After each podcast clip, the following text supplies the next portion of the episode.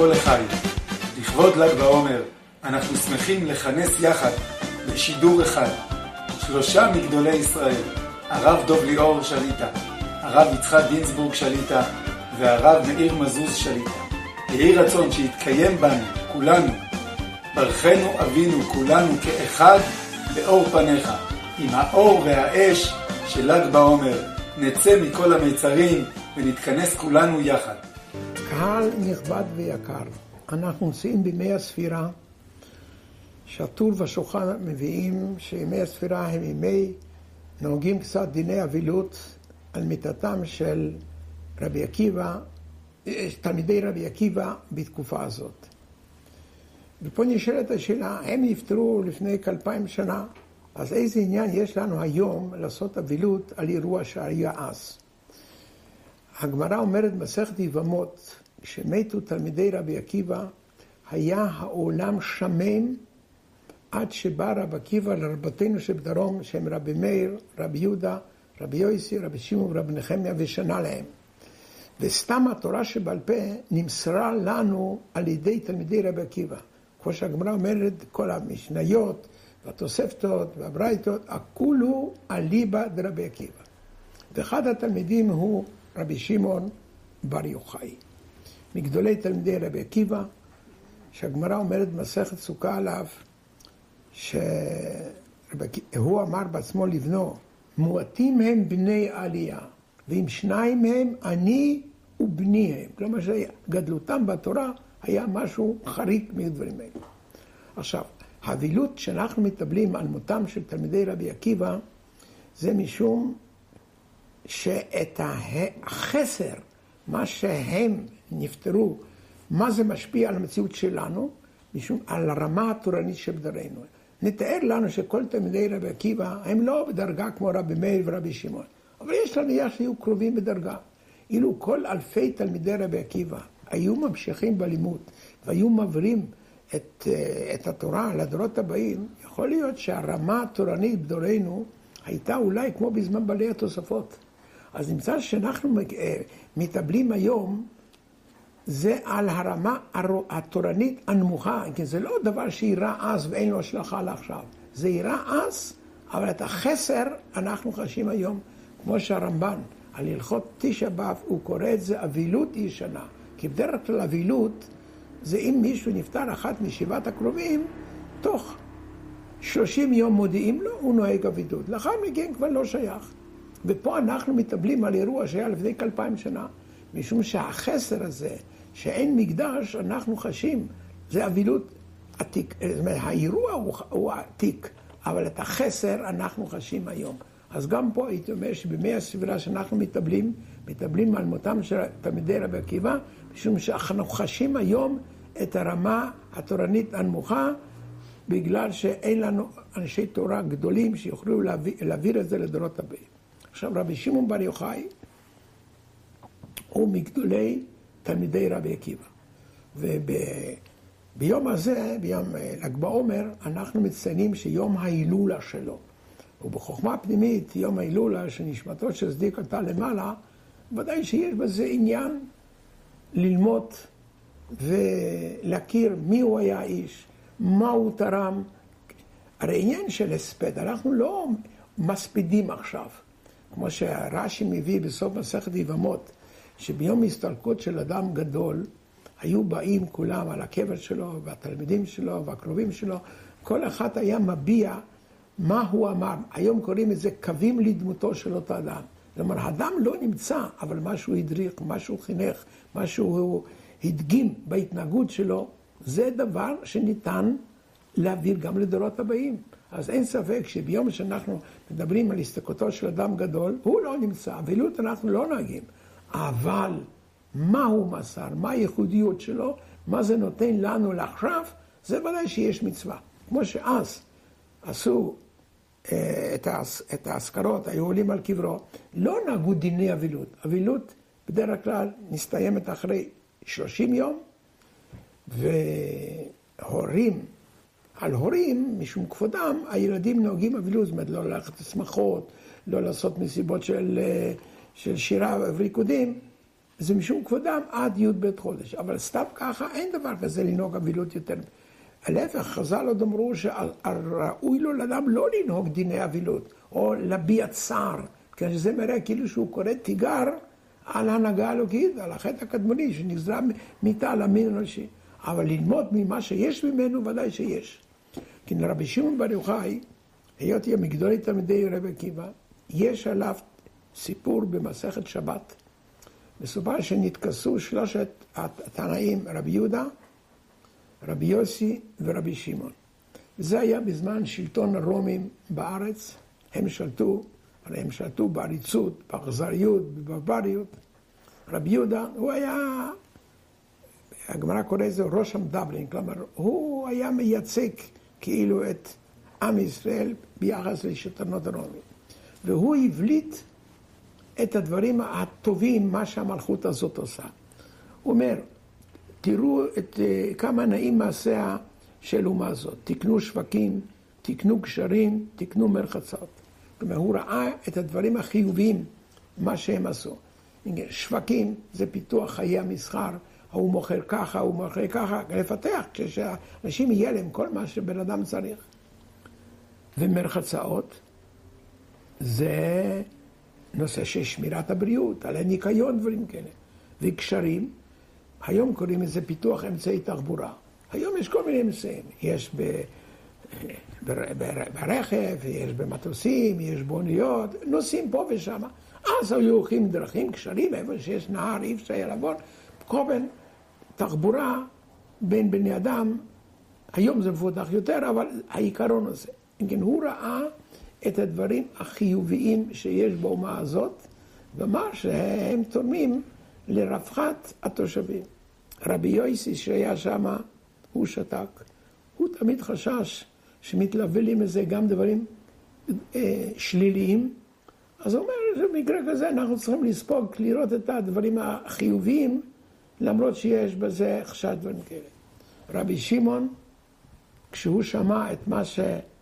אה, רבי יהודה אומר, הוא הבליט את המניע השורשי, מה מניע אותם, ולכן הוא מבליט את השלילה כדי שלא לשבח את הדברים האלה. הוא אומר להם ככה, כל מה שתקנו, לא תקנו אלא לצורך עצמם. תקנו שווקים, להושיב בהם זונות, מרחצאות, לדין בהם את עצמם, גשרים, ליטול מהם את המחץ. כלומר, מה רוצה רבי שמעון בר יוחאי להבליט בזה?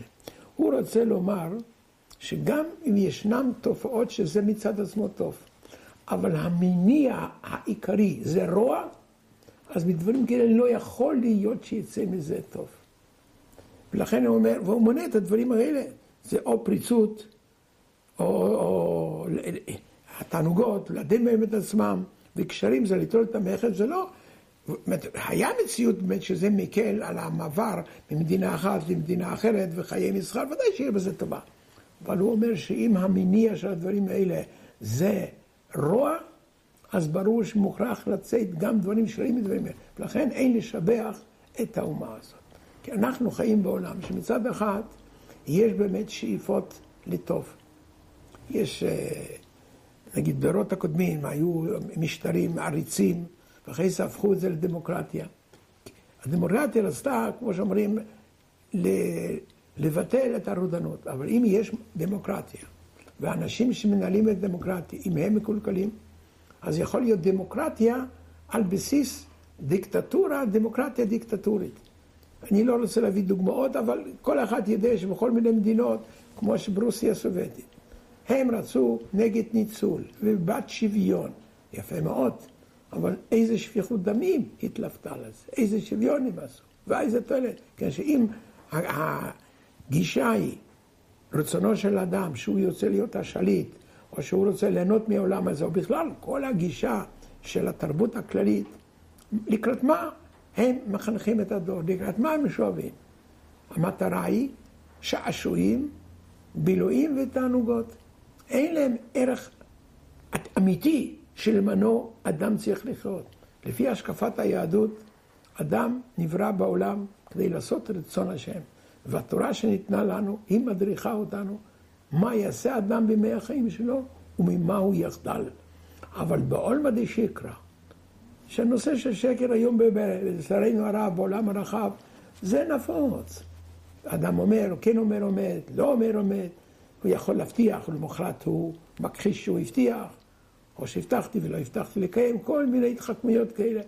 כשהבסיס הוא לא בסיס של עומק אמונה, של שאיפה לטוב, אז גם אם יש דברים חיצוניים טובים, זה מוכרח להביא גם דברים שליליים. ניקח לדוגמה היום, יש היום מכשירים טובים לענייני הפצת מידע, יש אינטרנט ויש טלפונים ויש דברים כאלה, ואנחנו גם שומעים שאלה שלא אכפת להם על הצניעות, לא אכפת להם על, על המוסריות, אז, אז משתמשים ומפיצים כל מיני דברים שליליים, זה הורס את הנוער והורס גם דבר, אנשים מבוגרים שרואים את הדברים האלה, והיצר הרע הוא מושך, יש לו כוח. אז רואים שמצד אחד אפשר להשתמש בזה לדברים חיוביים, מצד שני, כשהתשתית והיסוד זה לא נובע מתוך אמיתה של תורה, מתוך האמונה, אז הדברים האלה הם שליליים. והיום איזה הרס זה עושה הדברים האלה, כמו שאומרים, יש אה, סמרטונים, דברים כאלה. כל הדברים, דברים, אפשר להתקשר בזה, אבל הדברים השליליים הנלווים בזה, מי אומר שהרוע שם הוא לא גובר על הדבר הטוב? פה אנחנו רואים שרשב"י, הוא תמיד הסתכל במבט החודר והעמוק, לראות מה שורשם של הדברים האלה. האם כוונתם באמת רק לטוב, או שזה אמצעי כדי להשיג את התענוגים ואת הבילויים, שזה, שזה מטרת החיים שלהם. הרי מי שלמד היסטוריה יודע שאצל הרומים הקדמונים היה להם מינה כזה, זולים, מקיאים ועוד הפעם זולים. הם נהנו מהאכילה. היום, אדם אה, נורמלי, הוא, איך כתוב בסוף? אדם אוכל לסוב נפשו. הרמב"ם גם, בהלכות דעות, הוא גם אומר, ובאיזה אופן, גם כשאדם אוכל, איך הוא יצטרך להתנהג, לא לאכול לשובע, לא להימלא את הכרס, כל מיני דברים.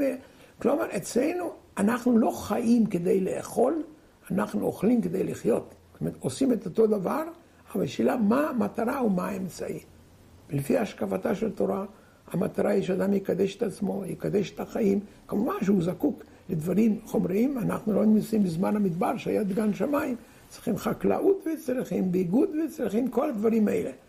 אבל זה אמצעי כדי שאדם יוכל לעשות את הטוב. ואצלנו מה זה טוב ומה זה רע, זה התורה קובעת. הולכים בדרכה של תורה, אז זה טוב. אם חלילה הולכים בשרירות הלב, אז יוצאים, יוצאים כל מיני דברים אה, שליליים.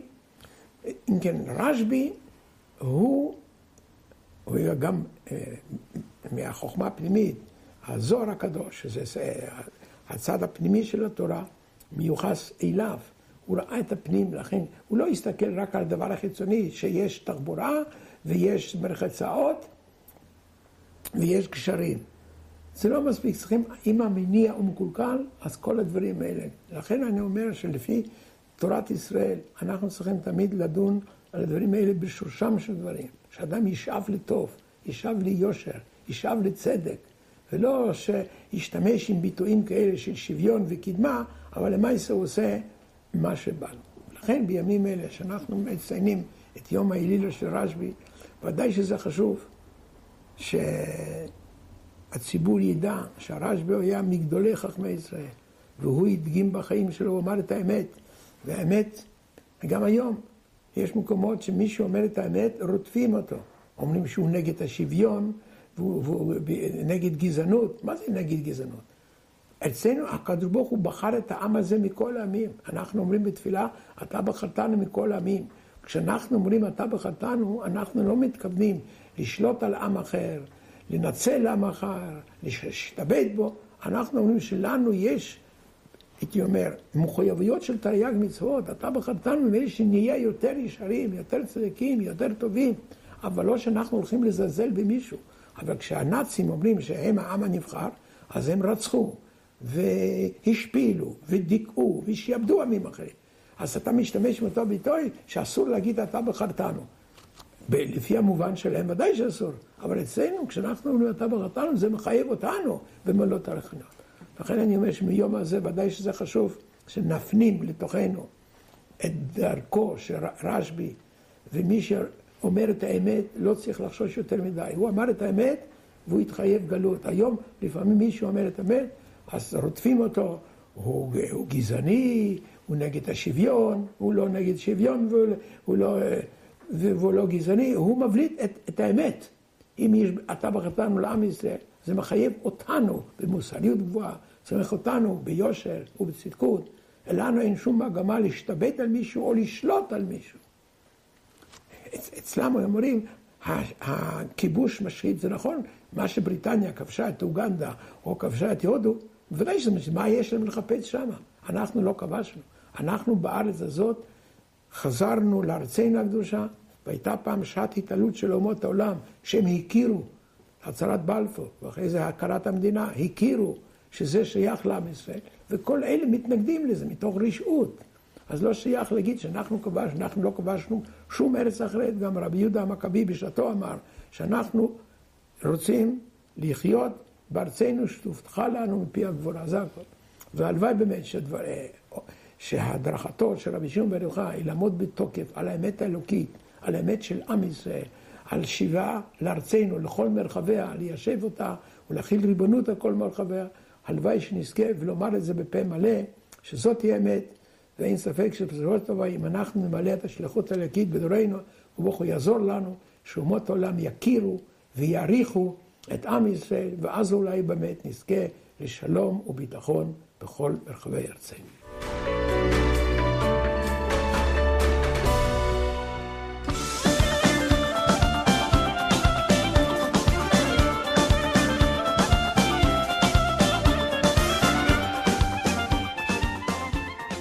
היום אנחנו מתכוננים לל"ג בעומר, ההילולת רשב"י, שיכול לפתור את העולם, לפתור אותנו מכל המיצרים שלנו. את כל הספירת העומר זה הכל המשך של אה, יציאת מצרים מיום ליום. בל"ג בעומר יש יציאה מיוחדת במינה של אה, שחרור וחופש. ממצרים לקראת חג שבועות. כתוב של"ג בעומר זה מתן תורה של פנימיות התורה, שזו ההכנה בשביל לקבל את כל התורה כולה. כלומר שמתחילים דווקא מהפנימיות ואחר כך מקבלים גם את המימד הנגלה של התורה. ל"ג בעומר זה יום של אהבה ואחווה, שלום ורעות בין היהודים. פסקו התלמידים של רבי עקיבא לעמוד באותו יום, ולכן על פי נגלה גם כן עושים שמחה גדולה בל"ג בעומר. רבי עקיבא, הרבי של רשב"י, הוא נטע בתודעה שלנו, של עם ישראל, את הכלל ש"ואהבת לרעך כמוך" זה כלל גדול בתורה. אחריו בא רשב"י ואמר שענן בחביבות עתליה מילתא, כך כותב בזוהר, שאנחנו, הכל אצלנו, אצלנו תלוי בחביבות, בחיבה בין החברים, שזה אהבת ישראל ואחדות ישראל. אצל רבי עקיבא עדיין היו דינים, הוא היה בדור של עשרה הרוגי מלכות, הוא היה עיקר ביניהם. הוא כמובן, כידוע, תמך במרד של בר כוזיבה. אבל אחר כך בא הדור הבא, שזה דור של חסדים לגמרי, לכן רשב"י אומר שענן בחביבותא טליה מילתא. בכל אופן, המסר והנתינת כוח של היום הזה, ל"ג בעומר, זה למלא את המצברים שלנו בהרבה הרבה אהבה ואחווה. אנחנו הזכרנו לאחרונה אמרה של אחד מגדולי החסידות, רב דוד טורנו, שהוא אמר ש... שאם רק הייתה אהבה ואחווה אמיתיות בין הצדיקים של הדור, כלומר בין הרבנים, אז כבר משיח היה בא מזמן. כלומר שעיקר ביאת המשיח, שזה הגאולה לעם ישראל והגאולה לכל העולם כולו, זה תלוי באהבה ואחווה. כמובן שזה שייך לכולם, אבל זה מתחיל דווקא אצל ראשי העם, המנהיגים של העם, המנהיגים הרוחניים של העם, ששם צריך להיות אהבה ואחווה, גם שיש מלחמתה של תורה לפעמים, ויש דעות שונות ויש מחלוקות, המחלקות זה בעצם מן הקצה לקצה, ובכל אופן כתוב עת והה בסופה, שזה אם זה מחלוקת לשם שמיים וסופה להתקיים, מה זה סופה להתקיים? שהסוף זה אהבה ואחווה, שלום ורעות ואחדות, דווקא בזכות החילוקי דעות, בסוף מתקדש לאלו ואלו דברי אלוקים חיים ממש, ומה שנוצר בסוף זה מצב של אחדות אמיתית, וזה הבסיס, הכלי לקבל את כל הברכות, והברכה העיקרית של הגאולה האמיתית והשלמה על ידי מה שעשיתם. היות שיש פה שני מושגים שהולכים ביחד, גם באמרה הזאת של רב דוד מטונו ובכלל, שזה אהבה ואחווה, אז כדאי שנתבונן במושגים האלה, ומה בדיוק הגוון המיוחד של כל אחד מהמילים האלה, אהבה ואחווה. אהבה זה משהו רגשי, שאני אוהב אותך. אז הלב שלי אה, מתמלא רגש, ואפילו אפשר להכיר את זה כתוב בדופק של הלב, שככל שהאהבה נעשית יותר ויותר מודעת, אז הלב דופק יותר חזק. כלומר שזה משהו מוחשי לגמרי אהבה, וזה נקרא בלשון הקבלה, זה שייך למורגש של הנפש. בנפש, במודע של הנפש יש שלושה רבדים. יש רובד המושכל, השכל, שזה חוכמה, בינה ודעת, יש רובד המורגש בנפש, שזה עיקרי המידות של הלב, שהם חסק גבולה תפארת, ויש את הרובד המוטבע. מוטבע זה כמו אינסטינקטים של הנפש, שזה גם כן מידות בלב, אבל זה מידות טבעיות, לכן קוראים לזה מוטבע, ובלשון הקבלה זה נצח עוד יסוד. וגם בסוף יש את המלכות שהיא כוללת את הכל. בכל אופן, על פי פשט, האהבה, המילה אהבה זה רגש, אז זה שייך למורגש של הנפש. ואילו המילה אחווה, אחים, יש גם אהבה ביניהם, אהבת האחים, וגם אח ואחות, וגם זה משל בשיר השירים גם לבעל ואישה, אחותי, פתחי לי, אחותי, זה אהבה טבעית, אח ואחות. כלומר שזה ממש אינסטינקט, לא צריך לעורר את זה עם התבוננות מעמיקה כדי להרגיש את האהבה הזאת, זה אהבה שבטבע. אבל אהבה, מי שאני אומר את המילה אהבה, אני מתכוון בעיקר לאהבה רגשית, שזה שייך למורגש של הנפש. שוב, ההבדל הכללי בין שני המושגים, אהבה ואחווה, זה בין המורגש לבין המוטבע. עכשיו, מעל המורגש יש את המושכל, ומוסבר באריכות בחסידות שהמורגש בעצם הוא נולד מהמושכל. אני מתבונן בשכל, בגדולת השם, או גם כן בגדולת החבר שלי, שיש לו חלק אלוקא ממש, אני מתבונן בטוב שלו, אני מגלה את הטוב, אני אותו לקו זכות. וכמה שאני יותר מתבונן בטוב, או של השם יתברך, או של החבר, כך אני מוליד בלב את רגש. כלומר, שהשורש האמיתי של המורגש זה במושכל. לכן כתוב שכאשר המידה של המורגש, האהבה נולדה מתוך המושכל, קוראים לזה ב... גם בלשון החקירה קוראים לזה עילה ועלול. כלומר שהעלול, האהבה היה העלול, והעילה זה ההתבוננות של השכל, והעלול היה בתוך העילה ממש. רק שהוא יצא מהעילה והתגלה בפני עצמו, בדיוק כמו שילד, שתינוק נולד מתוך הרחם שלהם. אז ככה המורגש נולד מהרחם של המושכל. עכשיו, כמו ששורש המורגש במושכל, אז ככה שורש המוטבע שזה למטה מהמורגש, זה מעל המושכל, מעל השכל, למעלה המדע, זה בכתר, בעל מודע. שבדרך כלל זה לא, שוב, זה לא גלוי, לכן קוראים לזה על מודע, זה לא מודע. אבל זה השורש האמיתי של כל כוחות הנפש, השורש הנעלם, שזה הטבע האמיתי, הטבע העצמי של היהודי. זה נקרא מי שזוכה להגיע לכתר, אז קוראים לזה דבקות. שהוא נמצא בדבקות עם או גם כן עם החבר שלו, הוא דבוק ממש, יש מושג דיבוק חברים. וגם בין הרבנים כמובן צריך להיות דיבוק. והדיבוק הזה מצד אחד זה דעת, אבל השורש של הדעת והדיבוק, הדבקות האמיתית, זה למעלה מאיתנו לדעת, זה בכתר. אז אם כן, מה תיארנו עכשיו? תיארנו תופעה שקוראים לזה בקבלה וחסידות חותם המתהפך. שיש לי אהבה בלב, שזה מורגש, יש בטבע שלי, יש אחווה בין היהודים. וגם שוב צריך להיות אחווה ממש, אחים ממש בין המנהיגים של היהודים. והשורש של המורגש זה במושכל, אבל השורש של המוטבע זה משהו עצמי, ככה קוראים לזה, העצמי הזה, השורש שלו זה בכתר. אהבה שהיא נמצאת בעילה שלה, בתוך המושכל, בשכל, קוראים לזה התקשרות. כמו שיש אה, חסיד שהוא מקושר לרבי. מה זה התקשרות? כתוב שהתקשרות זה אהבה, זה רק זה שורש האהבה בדת.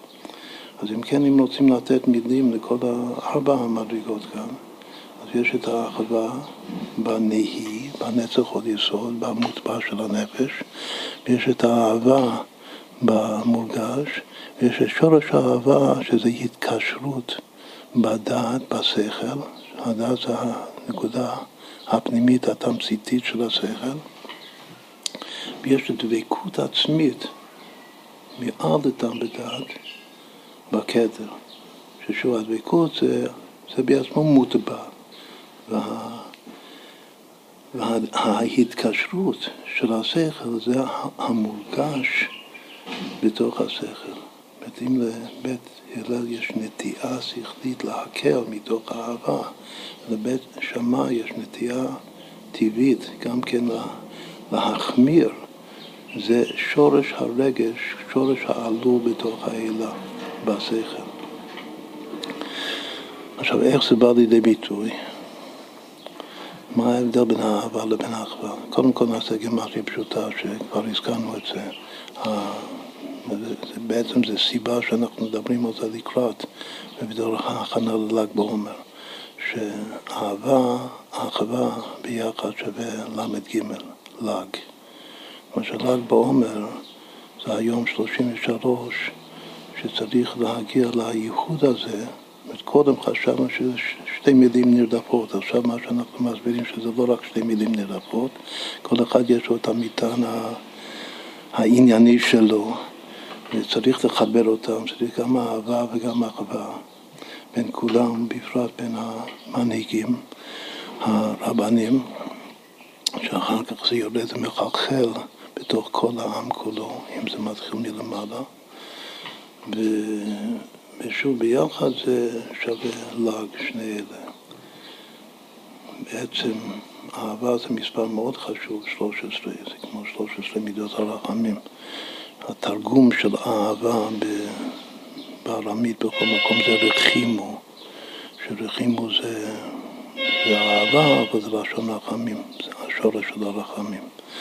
זה שזה רחימו זה גם כן אומר, כמו שהסברנו קודם, שהוא נולד מתוך הרחם, הרחם של האם, שהרחם שלהם זה ההתבוננות של המושכל שבנפש. בכל אופן, ביחד הם ל"ג.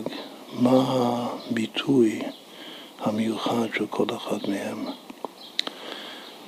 הביטוי של האהבה, כמו אהבה בין בני זוג, זה להוליד ילדים. את הפרי של האהבה זה הולדה, שזה בעצם המצווה הראשונה בתורה, פרו ורבו, מילאו את הארץ וחיפשו ככה. ממלאים את הארץ עם, עם תוכן משתבח זה הביטוי, וגם כובשים את הארץ. ממש משעבדים את כל מה שהשם ברא לכבודו לתכלית האמיתית שלו, שזה לכבודו, של הקודש ברוך הוא. ככה צריך, אנחנו, התפקיד שלנו, עם ישראל, לכבוש את הארץ, צריך בשביל זה הרבה פרו מאיפה בא הפרו בא מהאהבה.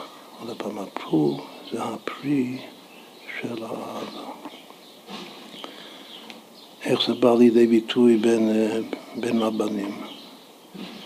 הביטוי שלו בין הבנים זה פשוט ביחד כמו שפעם היה, וחבל שהיום אין לנו את זה בדיוק, שהיו יושבים מהסנהדרין, כל החכמים של הדור, כולם, כל השבעים ביחד, באהבה, באחווה, שלום ורעות, היו דנים, היו מתדיינים. מתוך זה, מכל, מתוך השקלא וטריא של ה... כמו בגמרא, וככה זה במשך כל הדורות, אז נולדו חידושים, חידושים מרעננים, חידושי תורה, חידושי הלכה, חידושי פשט, חידושי רמז, חידושי דרוש, חידושי סוד, הכל נולד מתוך רבותיי וחבריי ותלמידיי, כמו שכתוב מתלמידיי יותר מכולם. ו... ועוד יותר לומדים מהחבר אפילו מאשר מה... מהרב. אז אם כן, אהבה מולידה. והתופעה ומה שמתבקש, מה שאנחנו רוצים, שמתוך חיבור, שאמרנו ששורש אהבה זה ההתקשרות של הדעת, מתוך ההתקשרות והחיבור הזה שיוולדו הרבה הרבה חידושי תורה, חידושים אקטואליים. מה היו עושים? היו פוסקים הלכה, הלכה למעשה. שהתעוררה איזו שאלה במציאות, באקטואליה, אז דנו ביחד עד שיצא דבר מלובן ומיושר מתוך, ה, מתוך ה, החברות של, ה, של הרבנים. אז זה נקרא הולדה מתוך האהבה. מה, מה הסימן, מה הביטוי המעשי של אחווה? אמרנו שאחווה זה משהו טבעי לגמרי. זה המוטבע של הנפש, הנצח עוד יסוד. מתוך אחווה בא מה שאנחנו קוראים שיתוף פעולה במבצעים מעשיים, שיוזמים ביחד לעשות איזה מבצע, להחזיר את עם ישראל בתשובה, הרי התפקיד הראשון של מלך המשיח זה, זה להחזיר את עם ישראל בתשובה. בשביל זה הרב מלובביץ' יזם הרבה מבצעים. כדי להגיע ליהודים, אבל כדי שזה יעבוד ויצליח ויגיע לתכלס, שהתכלס זה משיח, אז צריך שכל הרבנים ביחד ישבו ויחשבו איך משתפים פעולה במעשה שהוא העיקר. זה התוצאה הרצויה של, האחווה, איך, איך יודעים ששיתוף פעולה ברובד של המעשה של החיים זה שייך לאחווה והמוטבע שבנפש. יש בקבלה שכל ספירה יש את השם הקדוש של הקדוש ברוך הוא ששייך לאותה ספירה. לשתי הספירות העיקריות של המוטבע שבנפש שהן נצח והוד, יש שם משותף צבקות, כמו השם צבקות, אלוקים צבקות.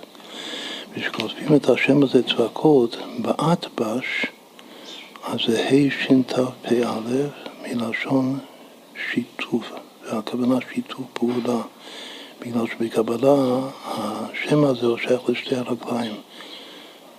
מה ההבדל בין שתי רגליים לבין שתי ידיים? שתי ידיים, כל יד מסוגלת לעשות דברים בפני עצמה, היא לא חייבת את השיתוף פעולה עם היד השנייה. מה שאין כן רגליים, שעיקר התפקיד של הרגליים זה ללכת, אי אפשר ללכת ברגל אחת. חייבים ללכת ביחד. ככה גם הרבנים צריכים להרגיש ברובד הזה של האחווה בינינו. איך עוד יודעים שהאחווה זה נצח והוד? בגלל שבכוונה של הלולה והמינים, הנצח והוד זה שתי הערבות, שני בדי ערבה. והם בלשון החז"ל, בלשון הגמרא, קוראים לזה אכוונה, זה לשון אחווה. זאת אומרת, הערבות אלו, זה הסימן של האחווה, של המוטבע. מה גם כן אומר המילה הזאת, שתי ערבות, שני בדי ערבה. שכל ישראל ערבים זה לזה, וכל ישראל ערבים זה בזה. יש לנו גם ערבות, שכולנו ערבים אחד בשביל השני, הרגשת ערבות, גם בין הרבנים צריך להיות הרגשת ערבות, וגם ערבים שכל אחד הוא ערב על השני. זאת הוא נעים, הוא נחמד ונעים, ככה צריך להרגיש. אז אפשר ביחד לשתף פעולה במעשה שהוא העיקר. שוב, הפרי של האהבה זה להוליד חידושים, לפסוק הלכות מעשיות ביחד, כלומר שזה יהיה בהסכמה מלאה של, של רבנים, של, של גיוון של הרבה, הרבה מנהיגים וראשים, ראשי עם. והאחווה, הביטוי, זה השיתוף פעולה, ליזום מבצעים בשביל לקרב את עם ישראל, להחזיר את עם ישראל בתשובה. כלומר, אני בעצמי צריך לעשות תשובה, אבל צריך להשפיע על כולם, הוכיח תוכיח, הוכיח את עצמך, תוכיח את הזולת, שנעשה תשובה, זה, זה בא מהאחווה. אז שהשם יעזור, שנזכה, שוב, קודם המנהיגים, ומתוך המנהיגים שזה יגיע לכולם, שנזכה לאהבה ואחווה אמיתיות, ואז כמו שאמר לבדוק מטונה, שאם רק יש אהבה ואחווה, בפרט בין הרבנים, אז יבוא משיח צדקנו תכף מיד ממש.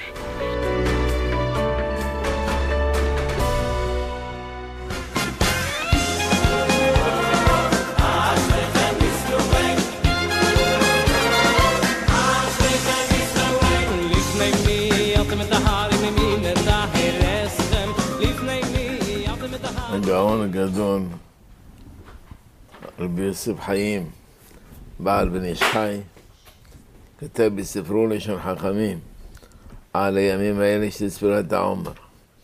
אמר שאדם צריך להיזהר בהם מאוד מאוד מכעס וקטטה ומחלוקת בבית ובחוץ. הוא יראה אותות אהבה ורעות, הן לבני ביתו, הן לאנשים אחרים.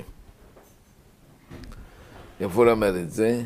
גמרא כתוב, תלמידי רבי עקיבא נספו בין פסח לעשרת בגלל שלא נהגו כבוד זה בזה. יש אומרים, נספו במגפה, ככה פשט הגמרא. יש אומרים, נספו במלחמת בר כוכבא. סמך לדבר שרבי עקיבא, רבם, היה נושא חיליו של בר כוכבא, כמו שכתב הרמב"ם בהלכות מלכים. וגם נמצא בגדת רב שריל הגאון, כדבר הזה היה השמדה. איזה השמדה היה? זה היה המלחמה הזאת. אם כן, מה אומרת הגמרא בגלל שהם לא נהגו כבוד? הכוונה שאם נהגו כבוד, היה קורא נס, והיו נמלטים בזכות התורה שלהם. אבל כאשר הרבנים לא נוהגים כבוד זה בזה, זה רע מאוד. זה הורס את כל העם. הורס את כולם. אנחנו נביא כאן כמה דוגמאות במשך ההיסטוריה שלנו, שרבנים לא נהגו כבוד זה לזה, ויעשו בעוונות בעייתו. הראשון שבהם, גמרא במסעה בתנורו של עכנאי. היה שאלה בהלכות טומאה וטהורה, רבי אליעזר בן אורקנוס מטהר, וחכמים מטמאים.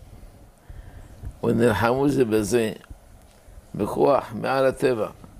רבי אליעזר אומר, אם כדבריי יקרה נס כך וכך. למשל החרוב שהיה פה, עץ חרוב, יעקר ממקומו מהאמה, ילך למרחקים. והיה כדברה.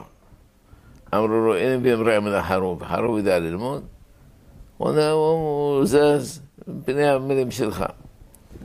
אמר להם, אם כן, תעקר רמת המים ממקומה, יש שם מעיין מים, באר מים חיים, ישים במקום שלו, כמו שאמר כך היה, אין באמרה אמת המים. אמר להם, כותב בית המדרש יוכיחו. כתלים שבית המדרש שלא עומדים בו, יוכיחו לטובתי. כותב בית המדרש עמדו ליפול. כפי דברי רבי אליעזר, ככה היה. היו זכופים, צריכים ליפול. עמד רבי רגליו, אמר להם, מה אתם מתערבים בנו? אנחנו לא לומדים תורה, מה אתם תלמידי חכמים אתם? אז מה עשו כתובי בית המדרש? עמדו ככה באמצע. לא נפלו ולא נסקפו. פני כבודו של זה, כבודו של זה. בסוף אומר להם, נשמעים יוכיחו. נשמעים יסתכון. ואמרה, מלאכי מסר לנעזר בני, שלחה כמותו בכל מקום. ובכל זאת, עמד רבי יהושע בן חנניה ואמר,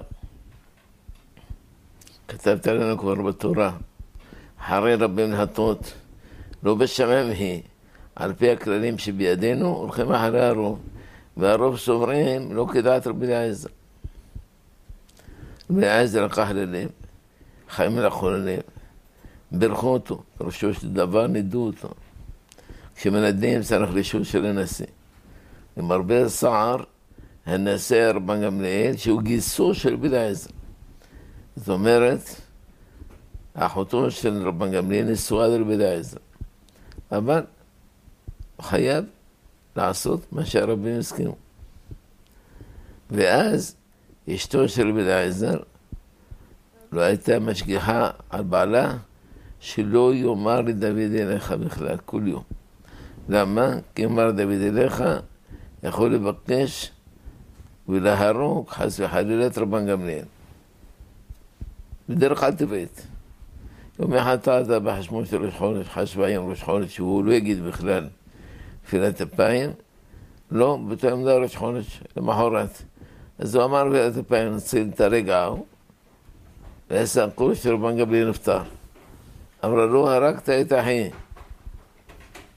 עכשיו, סבא שלי עליו השלום כתב צוואה. הוא בא, הזהיר הרבה על השלום. הזהיר מאוד על השלום.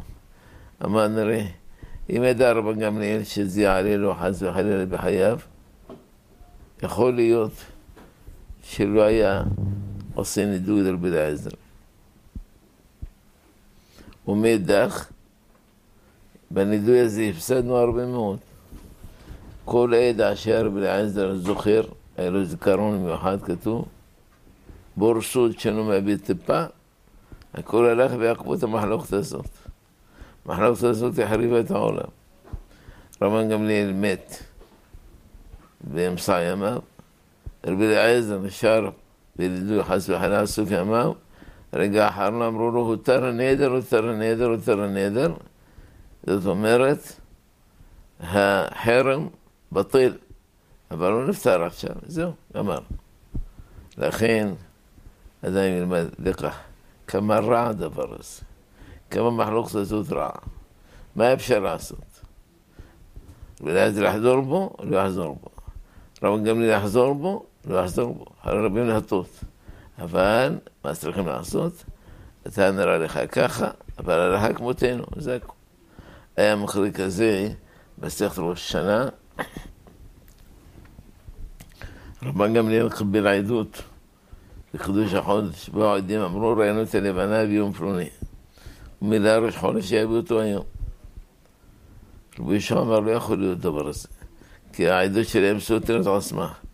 ראינו את הישנה בבוקר ואת החדשה בערב. תוך 12 שעות הלבנה הישנה הלכה ובאה החדשה, זה אי אפשר. על פי חוכמת התכונה האסטרונומיה דבר כזה בלתי אפשרי. אז רבי יהושע אמר כן, זה עד שקר. רבי גליל אמר לא, אני מקבל את העדות. שמע שרבי יהושע חולך עליו, אמר אני גוזר עליך שביום כיפור על פי חשבונך תבוא אליי הביתה עם המקל ועם הכסף. לא ידע לעשות. אני חושב שאני סודק. ביום הזה יום כיפור. יכעס לי ככה רבן גמליאל. יכול לומר לו, טוב, אני לא לכאן או לכאן, אני אשב בבית שלי, או אני אעשה חומרה של יומיים. יום כיפור שלי לא אעשה כלום, וגם יום כיפור שלך גם כן. חבר עליי יומיים, כמו ספיחת יומה. הוא היה בצער גדול. הלך ושאל את חמיד אורו, אמרו לו, מה שאמר רבן גמליאל עשו.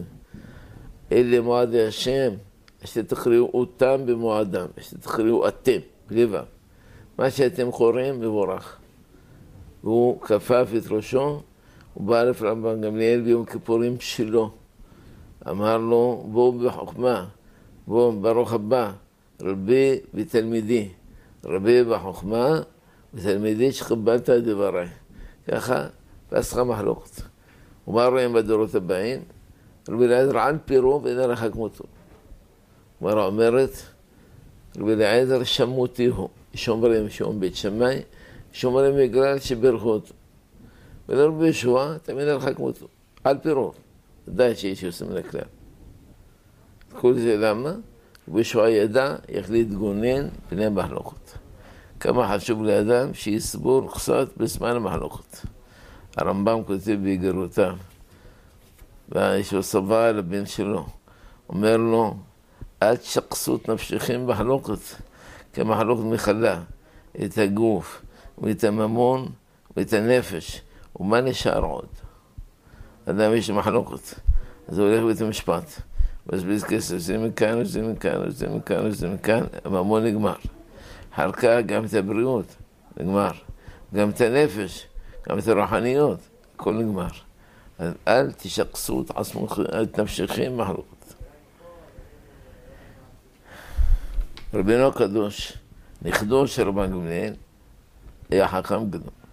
הוא אוהב שלום ורודף שלום. אחר הכל מזרעו של הלל הזקן, דור שביעי להלל. והלל אמר, הביא מתלמידיו של אהרון, אוהב שלום ורודף שלום. אוהב את הבריות ומקרב על התורה. מה הוא עשה? לא הכניס לעצמו בחלוקת הזאת. מה הוא עשה? משניות שלו מתחילות בדבריו של בליעזר. מתי קוראים שמה בערבית?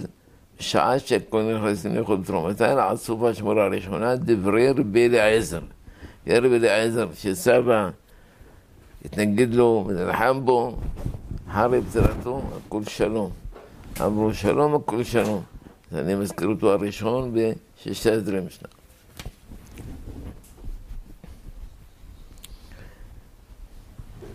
דור אחד לפני מרן היה ויכוח דיני ממונות. כתב בסדר הדורות שהיה ויכוח כזה גדול בשנת 5290. היה מעשה בעיר אחת, יהודי שומר חנם מיהודי אחר, בסך 12,000 זהובים. כשבא בעל הפקדון לקחת פקדונו, המופקד היטל בו, המופקד הכוונה השומר. הוא בא תובע לרב מינס, רבי יהודה מינס, סידר טענותיו. והשני הלך לרבנים אחרים. התחילו פסקים באיטליה, קצתם נגד המפקיד, קצתם נגד הנפקד, נגד השומר. עד שהגיע בעלים למלכות פולק. הוא כתב יעקב מפולק נגד הרב מינס, פשט הנגע, וכתבו מרורות זה לזה. הם יותר מהרבנים לכל מערכה, עד כלפי הנשמע יחרימו זה לזה. ויתאמת אזרחה מאיטליה, שמתו בשנה ההיא שניהם ביום אחד. מחלוקת בין רבנים זה דבר הכי גרוע בעולם. לברוח ממחלוקת, לברוח. יותר מאוחר היה בימי הגאון ועל פרי חדש. פרי חדש היה ילד פלא.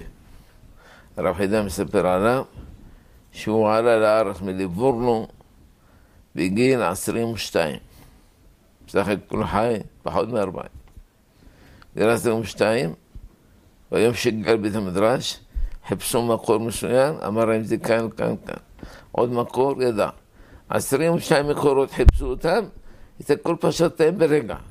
זה מוח זה, זה מחשב חי זה, איזה. אז התחילו אחר כך לכבד אותו, והתחילו גם לקנא בו. פעם אחת, ראיתי בכתב יד של רבי אברהם חלפון, נדמה לי נתפס בספר מעשי צדיקים לפני כמה שנים, על ידי הרב אסף רביב, הרב של מושב תלמים. שם כתוב ככה, היה ויכוח בין הרבנים, והנה הביאו קשה, הביאו שאלה מסובכת לפרי חדש. מה הדין? אמר להם כך וכך, אמרו לא, יש מקור נגד זה. אז הוא ענה להם, אז הקשו לו עוד עד שידע שהם מחפשים לו עלילות. אז אמר להם, ככה אתם מחפשים לחשוד סתם, לבזות אותי, קילל אותם, והם קיללו אותו. באותה שנה נפטר הפיר חדש, וחבריו אחרי כמה שנים הלכו כולם. אז מה הרווחנו כולם? החוכמה הגדולה הזאת, שאדם יש לו זיכרון טוב, לא הרווחנו כלום. הרווחנו קנאה ושנאה ותחרות. לברוח מזה, לברוח מזה, לברוח מזה. מותר לאדם לומר, אינני זוכר בדיוק, אני אבדוק, אני אראה. פעם היה רב ארבך עליו שלום, נותן שיעור. הוא אמר איזה גמרא בדף פלוני. היה שם הרב שווידרון, אמר בלחש, נדמה לי, זה דף לפני כן. אז אמר, תביא את הגמרא. אמרו לו, אני לא אמרתי כלום, אמרתי בילי בן עשו, אמרו, תביא את הגמרא. הביא את הגמרא, פתח אמרו, אתה סודך בדף שאמרת. אחרי השיעור התברר שהרב אורבך סודך, אבל כדי למנוע מחלוקת, הודה לשני על לא דבר, כדי שיכבדו החכמים אחד את השני. ככה צריך להיות. אם לא, מחלוקת בין תלמידי חכמים זה חורבן. היו רבי לוי בן חביב ורבי יעקב ברב. רבי בן חביב גאון גדול, בנו של בעל עין יעקב. רבי יעקב ברב היה רבו של מרן. ויעמיד חכם כמו מרן שולחן ערוך, היה גאון גדול. הביא להם ויכוח לחדש את השמיכה ולא לחדש את השמיכה. ויעקב ברב אמר, לחדש את השמיכה כמו שהייתה בזמן הסנדרין. על פי הרמב"ם שאמר, אם תחפשו כחומי ישראל והחליטו על אחד בדורנו שהוא ראוי להיות ראש סנהדרין, יהיה ראש סנהדרין. אבל הרמב"ם כתב כל חכמי ישראל. ואם היו חלק בצפת, היו בירושלים. רובם בצפת. אה, אם רובם בצפת, אמר להם רובו כולו. אחר כך נלך לירושלים, שנחתים גם את רבי לוי בן חביב, שהיה בירושלים. רבי לוי בן חביב אמר לו, אני לא מסכים. כי כולו צריך להיות כולו. ובית יש לכם בעיה מסוימת כאן וכאן וכאן וכאן. זה לא מחלוקות איומות. בינתיים רבי יעקב ברב הסמיך כמה חכמים, ביניהם את מרן, ואחר כך נפטר באופן פתאומי בשנת ש"ו. עשו סימן ש לשם, ש, א' ש"ה, ש"ו. זה הכל נובע ממחלוקת. אפשר לומר, אני חולק עליך, אבל בלי מלחמות. יש שם תשובות, תשובות רבי חביב, יש שם בסופם קונטרס הצמיחה. מילים קשות מאוד, אחד מול השני. דברי לעג, דברי אה, קנטור, וחבל, תלמידי חכמים צריכים להיות מתעלים מעל הדברים האלה. אבל מאז למדו בספרד, שכאשר יש מילים קנטור, בהדפסה משמיטים אותם. אמרו, תראה מה שקרה פה. כל פעם שיש ויכוחים, כותבים רק מה שנוגע להלכה, מה שלא נוגע להלכה, לא, לא מבין, לא מבין. ככה כותב הרב חידה, לא צריכים להביא כל המחלוקות וכל הדברים שנאמרו לפי שעתם. אבל יש יוצא מן הכלל, אין מה לעשות. היה יותר מאוחר,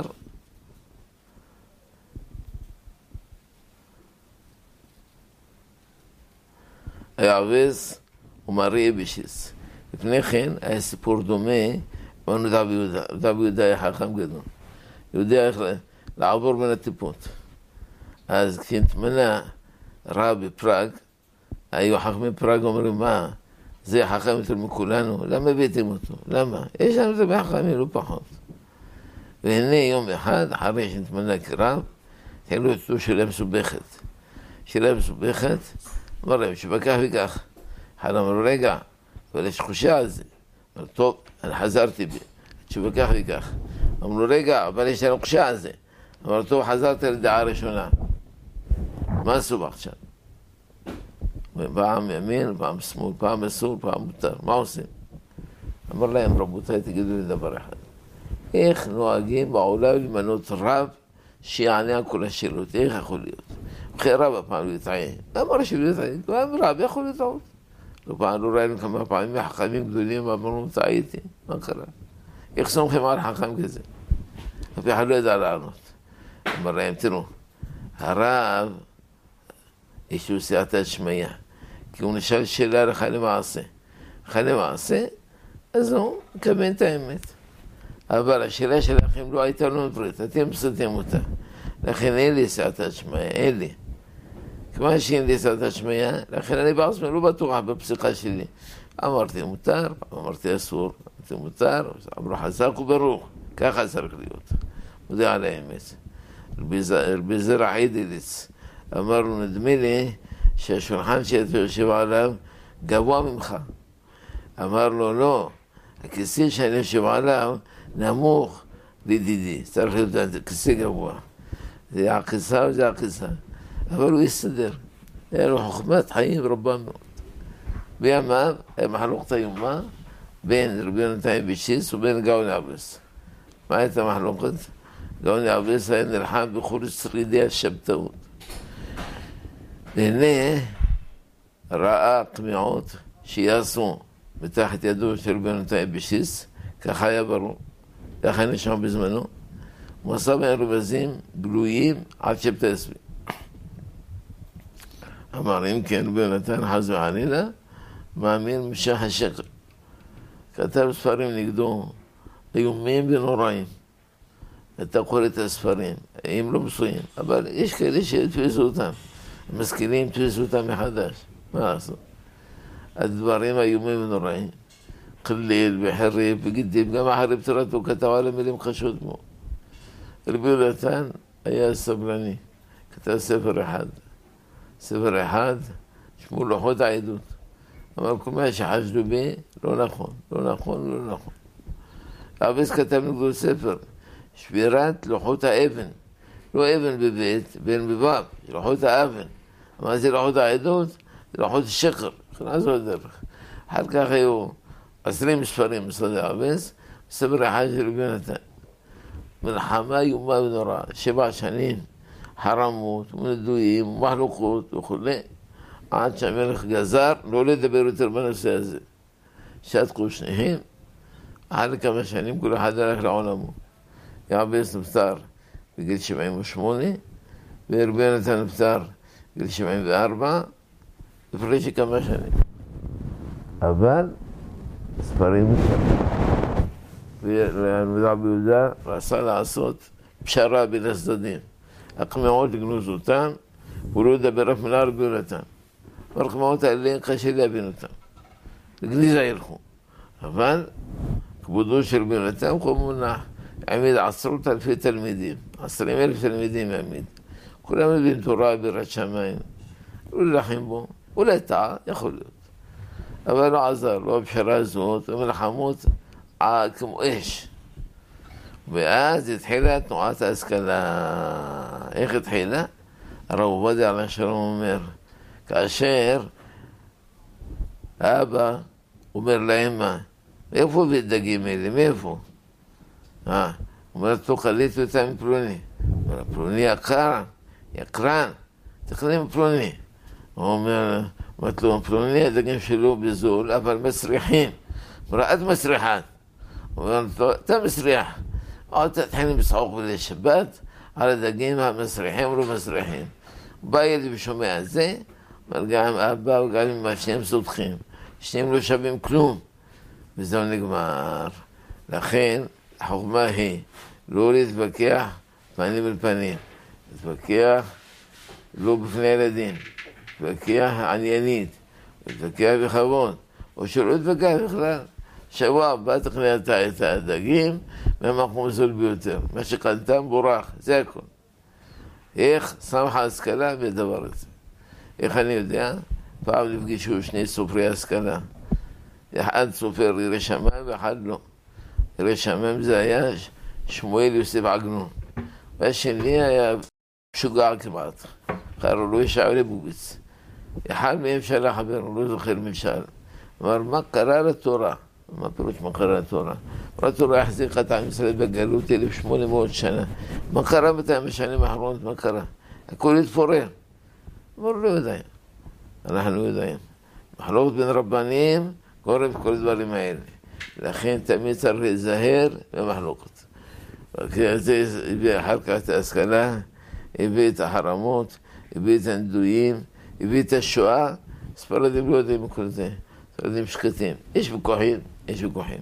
יש פעמים מילים קשות, שעת כעס, אבל לכתוב, לעשות מזה בפשקווילים, חס וחלילה, בשום פנים. כל מחלוקת סופה אבדון, וכל שלום מברך ברכה. לכן בעזרת השם. למד את הלקח של תלמיד רבי עקיבא, ונפסיק לריב, נפסיק לריב. כאשר יהיה שלום בינינו, אפילו אם חס וחלילה לא שומרים כמו שצריך, חבור עשבים, אפרים אנחנו. לא מסר כל ברוך הוא ברכה לישראל, כלי מחזיק ברכה לישראל, אלא השלום. שנאמר, אדוני עוז לעמו ייתן, אדוני יברך שמו בשלום.